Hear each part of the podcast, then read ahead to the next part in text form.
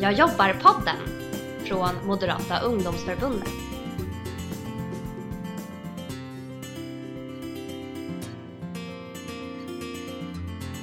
Hej och välkomna allihopa till ett nytt avsnitt av Jag jobbar-podden. Nu har vi avsnitt 14 och det är Kristina som pratar. Tyvärr är Rasmus inte med oss men istället så har vi två gäster i studion. Jag tänkte att jag presenterar första och så får den gästen presentera nästa gäst. Uh, först ut är Erik Bengtsbo, vår förbundsordförande. Jättekul att du är med här idag. Tja, tja! Det är inte första gången i podden och jag vet inte om jag räknas som, som gäst fortfarande eller om jag är, ska ersätta Rasmus som någon form av bisittare idag. Vi får väl se lite grann hur det utvecklas. Eh, men vi har ju en, en riktig gäst med oss idag, nämligen Anna Kinberg Batra, gruppledare för Moderaterna i riksdagen och ordförande i finansutskottet. Välkommen hit! Stort tack! Jag tänkte att vi börjar med frågorna direkt, Anna. Och jag tänkte fråga, vad är roligast? Att vara gruppledare eller ordförande i finansutskottet? Det är gruppledare, för det är flest moderater. Det har aldrig varit så många moderater i Sveriges riksdag, det ska bli ännu fler i höst. Och det är fler kvinnliga ledamöter, det är många unga ledamöter och det är framförallt en väldigt rolig och taggad grupp inför valrörelsen. Om du skulle beskriva din roll som gruppledare, skulle du säga att det är mer att vara företagsledare eller mer att vara dagisfröken? Oh, inget av dem tycker jag. Eh, det, det är som en orkester kan jag tycka. När alla spelar på sitt instrument på sitt sätt, men det låter som bäst om vi också har en idé om hur vi gör det tillsammans. Du har varit med i MUF väldigt länge också. Mm. Jag såg faktiskt i tidningen Fokus där du berättade att du gjorde lite revolt i din familj genom att gå med i Moderaterna istället för Folkpartiet. Ja, aldrig något. Jag var inte så revolutionär när jag var ung egentligen. Jag var den där ganska duktiga skolflickan och var engagerad i elevrådet och så gick jag med i Moderata ungdomsförbundet när jag var 13. Hur kan det vara revolt att välja Moderaterna framför Folkpartiet? Det känns inte som en så enormt stor revoltyta idag. Nej, men det är väl inte det. Men både min mamma och min morfar var då engagerade i Folkpartiet i Sörmland. Eh, och jag har väl fortsatt på den banan egentligen, fast man måste ju komma på det själv. Och då bodde jag i Stockholms län och då blev det Moderata ungdomsförbundet som var bäst på betygen, eh, bland annat. Det är fortfarande en jätteviktig fråga och vi har både betygen och Europasamarbetet var sådana frågor som var heta då och där Moderata ungdomsförbundet gör skillnad även idag. Du eh, sa tidigare i din roll som gruppledare att det är en rolig grupp för att den är en stor grupp och det är mycket kvinnor och så vidare. Eh, hur var det egentligen att bli politiskt aktiv när du gick med? För då måste politiken varit enormt mansdominerad om man ska vara helt ärlig. Jag kan erkänna så här i efterhand att det var ju rätt grabbigt i luft på den tiden. Det var det ju. Det var ju så att man var Ibland var jag den enda tjejen och när jag satt i förbundsstyrelsen vill jag minnas att vi var två. Jag var den första eh, kvinnliga distriktsordföranden för hela stora Stockholmsdistriktet och det här var ju långt in på 90-talet. Jag tycker det är bättre kultur idag när jag är ute och träffar medlemmar och ute. Och det är fantastiskt att se så mycket tjejer och duktiga killar där alla också tar plats och tar politisk plats. Det fanns ju en tid där tjejerna antingen inte var med alls eller var de som fixade fester eller var sekreterare medan killarna skötte snacket. Har din tid i MUF och sen i Moderaterna påverkat dig politiskt också? Jag menar, man går ju med för att man oftast åtminstone har ganska starka åsikter. Och sen så kommer man in i en miljö där de ska stötas och blödas med andra, precis som du säger. Har du gjort någon personlig resa där som du inser så att säga, oh, om det inte hade varit för den här personen eller om det inte hade varit för Moderata ungdomsförbundet, då hade jag nog tyckt annorlunda här idag. Ja, jag aldrig röstat på något annat. Det kan jag också erkänna. Eh... Vilken chock av någon som inte var 13! Eh, men jag vill gärna säga att jag trivs bättre i nya Moderaterna än i eh, gamla Moderaterna på 80-talet. För det som fick mig att tveka ibland för en 10-20 år sedan, om det var värt engagemanget, så, det var att det var det var lite hårdare kultur.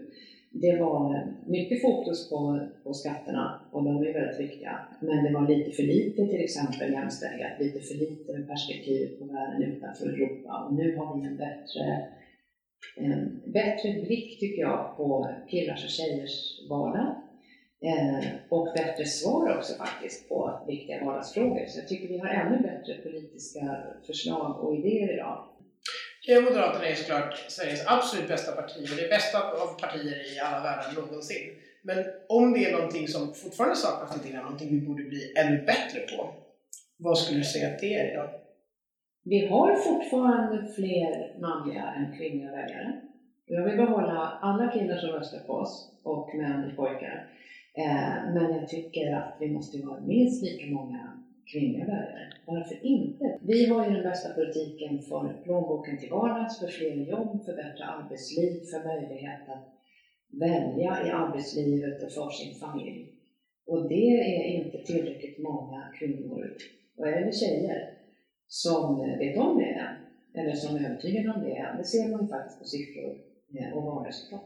Men tycker du det handlar om att de inte har fått ta del av vår politik eller är det något annan fråga som du tycker vi måste utveckla mer för att faktiskt attrahera fler kvinnor?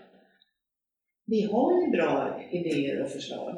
Eh, det handlar väl också om hur man kommunicerar dem. Vi är ganska bra på att uttrycka fakta och siffror och system, men inte tillräckligt bra på att bemöta diskussioner där man kanske har lite ont i magen och funderar lite grann på hur ska det, hur ska det funka med den här ungen som inte riktigt trivs i skolan? Det är ju vår politik som är det bästa svaret på det eftersom vi lägger, vi lägger mer resurser på skolan, vi ger möjlighet att välja skola till exempel. Men ibland uppfattas vi som lite tekniska. I onödan tror jag, men det handlar väl om hur man uttrycker och formulerar förslagen också. Mm. Eh, vi var ju lite inne på också att du har gjort väldigt mycket i MUF eh, och väldigt mycket annat i ditt liv. Eh, har det aldrig känts som att det har varit lite för många bollar i luften? Och jag har alltid gillat att ha flera bollar i luften, tycker jag. Och jag tyckte alltid det var viktigt att försöka hinna plugga fast jag var aktiv i Moderata ungdomsförbundet. Och det var en utmaning emellanåt faktiskt under många år. Men jag vill absolut eh, läsa färdigt. Jag läste ekonomi för då är det lättare också att eh, ja, jobba med eh, eh, jobba med annat också. Det är bra kunskaper som jag har användning av till exempel i finansutskottet. Det är lättare att läsa budgetar när man ekonomi på högskolenivå. Men det var också viktigt att jobba med annat och ha en riktig bas att stå på. Politik ska ju faktiskt inte vara ett yrke. Jag gör det här för att jag är engagerad i det. Nu har jag fått chansen att göra det på heltid och det är jätteroligt. Men det är faktiskt inte mitt riktiga yrke eller min riktiga identitet. Utan den måste man ju faktiskt fixa själv. Eh, jag tänkte fråga en liten fråga nu när vi ändå pratar om eh, ditt jobb på riksdagen. Eh, hur, hur är det? Känner du igen många från MUF-tiden i andra partier och hälsar man glatt på varandra eller håller man sig lite till sina egna? Man träffar ju mest, eh, jag träffar ju moderater oftare än vad jag träffar sossar såklart, men jag träffar ju sossarna flera gånger i veckan och de andra också. Och vissa andra, Mikael Damberg till exempel som är gruppledare för sossarna nu, han och jag har ju sprungit omkring i olika ungdomsförbund då, i, sedan 20 år tillbaka. Eh, så man hinner träffa folk. Jag var aktiv i studentpolitik på Stockholms universitet också och vissa av dem eh, känns igen idag. Där hängde Anders Ygeman och Åsa Romson till exempel på den tiden. Eh, så vissa sådana kommer tillbaka. De allra flesta riksdagsledamöter, oavsett parti tror jag, de är ju alldeles ärligt engagerade och ger väldigt mycket av sin energi för att göra det här på riktigt. Och det är värt väldigt mycket respekt tycker jag. Eh, och det innebär ju att jag har väldigt stor respekt för till och med några vänsterpartister som personer. Även om jag kommer fortsätta försöka förklara, eh, särskilt för väljarna, varför de har alldeles fel politiskt. Men man måste kunna skilja på sak och person tycker jag, annars blir det ju outhärdligt. Så eh, man hälsar glatt på varandra och sen så bråkar man lite i talarstolen? Ja, tycker jag. Och sen så kan man, ibland när man fikar efteråt, ibland är man så arg att man bara går därifrån. Så är det ju också. Det är ju riktiga känslor i debatten. Det ska det vara. Vem är din bästa fikakompis utanför Moderaterna i riksdagen? Från något annat parti? Ja. ja. Först måste jag väl säga alliansgruppledarna då. Och allians, allianskollegorna i finansutskottet. Eh, det är lite förutsägbart kanske, men, men det är också sant. Sen träffar jag de andra gruppledarna, även mina motståndare ibland. Så det är väl klart att eh, det är väl klart att eh, ska man välja någon annan så är det möjligen någon av de andra gruppledarna. Men det finns, det finns genuint övertygade personer som brinner för det här eh, fast de har landat alldeles tokigt politiskt. Och då tycker jag de är värda personlig respekt och det kan vara, eh, det kan vara väldigt, väldigt trevliga personer faktiskt.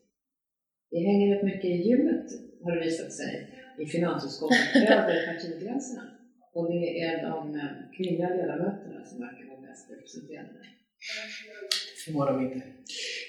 Okej, har du någon, någon, eh, något medskick? Du som har varit aktiv i MUF länge och som nu är toppolitiker. Har du något medskick till alla MUFare som lyssnar på podden?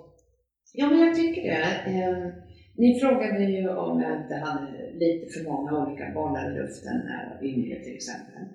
Ehm, för det var stundtals var det rätt tjockt att både vara aktiv i MUF och försöka plugga samtidigt och börja jobba samtidigt. Jag gjorde alla dem samtidigt. Och jag ångrar ingenting av det. Om jag skulle göra om någonting nu skulle jag inte ha tagit examen tidigare till exempel. Ehm, jag fick jobb ändå och jag fick det här uppdraget ändå. Och vägen dit har ju gått genom att prova olika saker ehm, och prova, är det här roligt? Är det här roligt? Nej, det här funkar inte alls. Oj, här gjorde jag stora misstag och det här var förskräckligt. Det är först när man har lärt sig lite sånt och det har gått några år som man kan dra lite slutsatser faktiskt som person. Att det här kanske jag ska hålla på med. Eh, så vägen inte varit ganska krokig och lång och det, skulle jag, det har jag aldrig ångrat.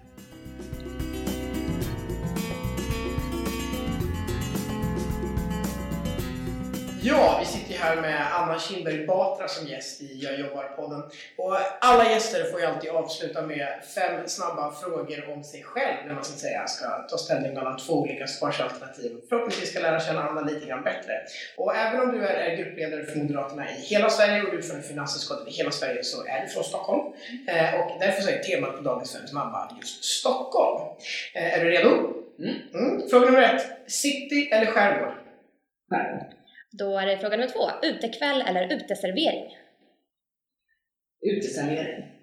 Jag är lite såhär natursugen fast jag bor i Stockholm. Mm. Fråga nummer tre. To-go-latte eller en ordentlig mysfika? To go latte. Alltid på väg. Eh, Skansen eller Gröna Lund? Svårt. Jag har en dotter i, mitt i målgruppen för båda. båda, kan man säga det? Nej, man får bara välja. Vi brukar Ja, du måste välja en. Vilken tar du då? Ja, då blir det Skansen. Där finns mest. AIK eller Djurgården som sista fråga? Djurgården. Ah, det var ju fel svar. Tack så jättemycket att du ville vara med i podden, Anna. Stort tack. Lycka till. Vad roligt att Anna kunde vara med. Ja, det verkar ju utan tvekan som att det är fullt drag på riksdagen inför både Europaparlamentsvalet och valet i september. Eh, Så det är mycket som händer, men det var väldigt roligt att de kunde vara med. Ja, och jag tycker det är väldigt Och intressant! Ja, väldigt intressant. Och jag tycker det är jättekul att du också är med. Så direkt tänkte jag eh, byta din roll lite till gäst nu igen. För jag har nämligen lite frågor till dig också. Mm, shoot! Ja, eh, det var ju så här att vi hade ju den här jättestora debattutbildningen moderator. Eh, och då satt jag och funderade lite över vilka frågor är det som oppositionen kommer ställa, till oss och vad ska man ge för svar då? Och jag var ju inte med på utbildningen så därför tänkte jag fråga dig för du är lite debattmaster här i MUF. eh, Jag tänkte säga, det- debattvana kommer just bara av vana. Så det är bara att träna, nöta, nöta. På skoldebatter, skolkampanjer, hemma vid köksbordet så eh, lär man sig de mest kluriga frågorna till sist. Ja. Då tar jag den första frågan som vi alltid får höra från oppositionen. Sedan ni vann valet har ni valt att sänka skatten istället för att satsa på välfärden. Varför välfärden nu går på knäna? Ja, det är ju inte sant. Det är inte sant på något sätt. Vi har ju sänkt skatten på arbete för att göra det mer lönsamt att arbeta. Och det har gjort att över 250 000 fler människor i Sverige idag har ett jobb än vad man hade 2006. Det gör att vi har massa miljarder mer i skattepengar att lägga på välfärden. Att satsa på skolan, att satsa på högskolan, att satsa på vården, att satsa på äldreomsorgen. Eh, för det är bara när fler arbetar som vi också faktiskt kan ta hand om det gemensamma. Så att om man får den frågan från SSU då tycker man att ni ska syna bluffen. För pengarna till välfärden har inte blivit mindre utan väldigt, väldigt mycket mer. Varför tror du de säger sådana här saker då? Jag tror att de vill eh, sätta en bild av att det går mycket sämre för Sverige än vad det egentligen gör. Sverige har eh, Europas bästa sjukvård.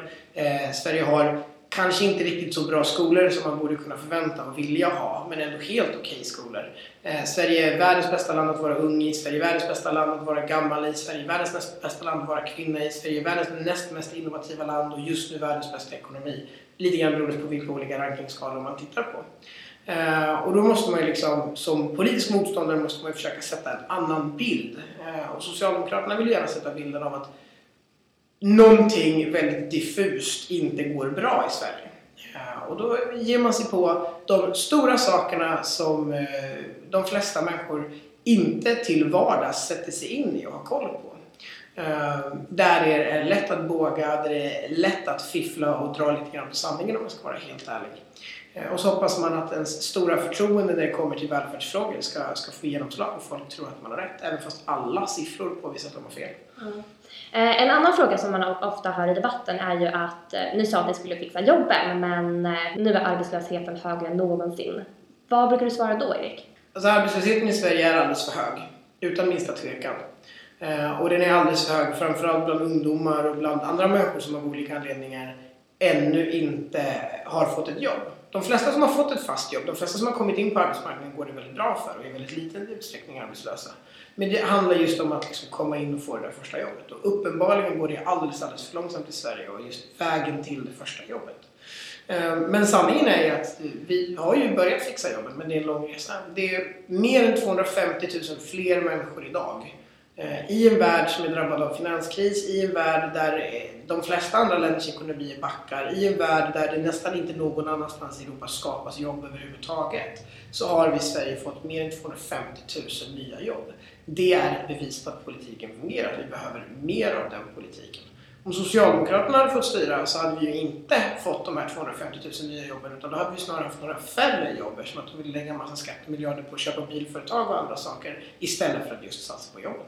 Ja, eh, finns det några andra frågor som du tycker att eh, muffare kanske borde ha hört tidigare som ofta kommer upp i debatter? Ja, en sak som, som eh, SSU brukar älska att tjata om är ju sänkningen av restaurangmomsen. Vilket är lite paradoxalt om man ska vara helt ärlig. Eftersom att de rödgröna faktiskt gick till val 2010 på att man skulle just halvera restaurangmomsen. Då sa man att det är absurt att eh, en restaurang ska ha dubbelt så hög moms om du äter där, om du köper en burgare på McDonalds och stannar där och käkar, än om du går därifrån. Förut var det ju så att det var halv moms om du gick därifrån och tog mat med dig eftersom att då skulle mat, momsen matcha med momsen om du handlade i affären. Eh, medan om du stannade kvar och åt så skulle det vara dubbel moms. I valrörelsen 2010 så sa de rödgröna partierna att de ville halvera restaurangmomsen för att det var absurt att olika momsnivåer eh, och för att det dessutom skulle så att säga, stärka en bransch där traditionellt sett väldigt många unga jobbar och väldigt många har sitt första jobb och är just den viktiga vägen in. Eh, och nu säger Socialdemokraterna att nej, det här är en alldeles för, för, för dyr satsning. Man subventionerar hamburgerrestauranger istället för att skapa jobb. Eh, och man verkar varken längre se de ja, någonstans 8-10 000 jobb som det här faktiskt har gett, som framförallt har gått till ungdomar och andra människor som står långt från arbetsmarknaden, gett en chans att komma in på arbetsmarknaden och vi vet att de också kommer komma vidare. Och man verkar inte heller längre tycka att det vore ett problem att betala dubbel moms eller halv moms beroende på om du ska äta på McDonalds eller gå ifrån McDonalds eller någon annan restaurang eller pizzeria eller vad som helst.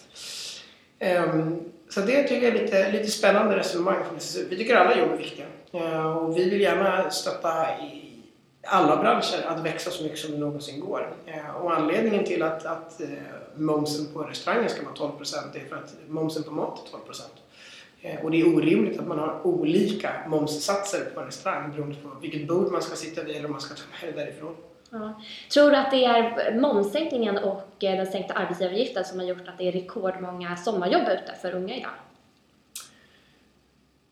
Det har säkert bidragit väldigt mycket för det gör det möjligt för arbetsgivare som anställer många ungdomar eh, att kunna anställa många ungdomar fler. Och vi vet att, så att säga, restaurangbranschen går bättre än någonsin. Dels på grund av momssänkningen men också på grund av att eh, våra vanor att gå ut och äta har förändrats ganska mycket de senaste åren. Men jag tror att det som är den största anledningen till att vi ser, och det, det påverkar absolut hur många sommarjobb vi ser inom privat sektor. Men det jag tror är den största anledningen till att vi ser att framförallt växer en väldigt intresse av att anställa sommarjobb i bland Sveriges kommuner. Är att man har insett att väldigt många unga människor behöver bli intresserade av att jobba inom välfärden om kommunerna ska klara sitt uppdrag i framtiden om man ska kunna anställa människor inom sjukvården, om man ska kunna anställa människor inom skolan, inom äldrevården, så måste man bli en attraktivare arbetsgivare. Och man har insett att erbjuda sommarjobb där människor kan få prova en ny bransch, där människor kan få se att det är ett ganska roligt jobb, där man får jobba med andra människor, där man får göra skillnad, där man får göra människor glada, där man får hantera också reella utmaningar som gör att man växer som människa. Ehm, tror jag är den, den största orsaken. Att Sveriges kommuner har börjat inse att om de ska hitta personal i framtiden, då måste de också anstränga sig. Men däremot så eh, påverkar ju Eh, den sänkta arbetsgivaravgiften inte minst möjligheten att anställa många eh, sommarjobbare. Eh, och Socialdemokraterna vill ju nu, och Vänstern och Miljöpartiet och Sverigedemokraterna vill ju göra det dyrare att anställa ungdomar. Man vill ju tredubbla respektive fördubbla arbetsgivaravgiften att anställa just ungdomar. Och det är klart att om Sveriges kommuner har tänkt att man ska anställa 80 000 ungdomar och, och helt plötsligt kostnaden för det går upp med 10-15 procent, ja då blir det färre jobb.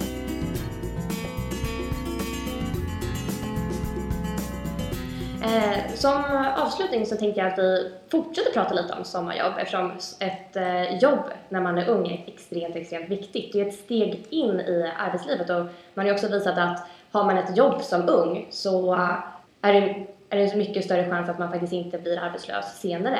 Eh, och man har någonting på CV, man har någonting att visa, eh, man har en referens som man kan visa på arbetsgivaren. Det är väldigt, väldigt bra.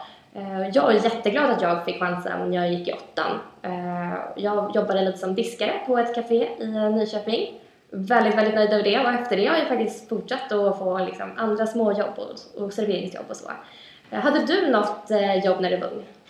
Ja, jag har alltid jobbat varenda sommar och varenda lov för att gneta ihop egna pengar, för att ha någonting att göra och för det tyckte jag var ganska roligt. Ehm, nu är jag uppvuxen på landet långt bort från kaféerna i Nyköping om man ska vara helt ärlig, mm. även om det var i närheten av Nyköping. Eh, och jag fick mitt första sommarjobb på en bondgård där jag stod och målade plank. Träbrädor som gick från att vara mörka, gamla och tråkiga till nya, färska och röda. Eh, och det var eh, bitvis ganska kul och bitvis bara jättelångtråkigt. Men det var ett jobb jag fick fler jobb på den gården sen och jobbat mycket där eh, i mina dagar. Till och med upp i högre åldrar. Ja, ett sommarjobb är ju oftast eh, en dörr in på arbetsmarknaden och därför är det fantastiskt att det är rekordmånga kommuner som anställer sommarjobbare nu. Eh, och rekordmånga sommarjobb som finns ute. Som du sa förut, 80 000 sommarjobb. Och det är ju bara de som är utannonserade. Ja. det finns ju ännu fler som, som förmedlas på andra sätt än att de, de ligger utannonserade via någon kommun eller via Arbetsförmedlingen. Mm. Så det båda väldigt väl för Sveriges unga att man i sommar så kommer många få chansen att få sitt första jobb eh, och därmed ta det där första väldigt, väldigt viktiga klivet in på arbetsmarknaden. Ja, och då har man också chansen när man är ledig att äta massa god glass och värva medlemmar med MUF. Jag eh, hoppas att vi syns på alla turnéer ute. Tack så mycket att ni lyssnade och, så, och tack Erik för att du var med under hela podden. Mm, tack för att jag fick vara med. så hörs vi allihopa om två veckor igen. Hej hej! Hej hej!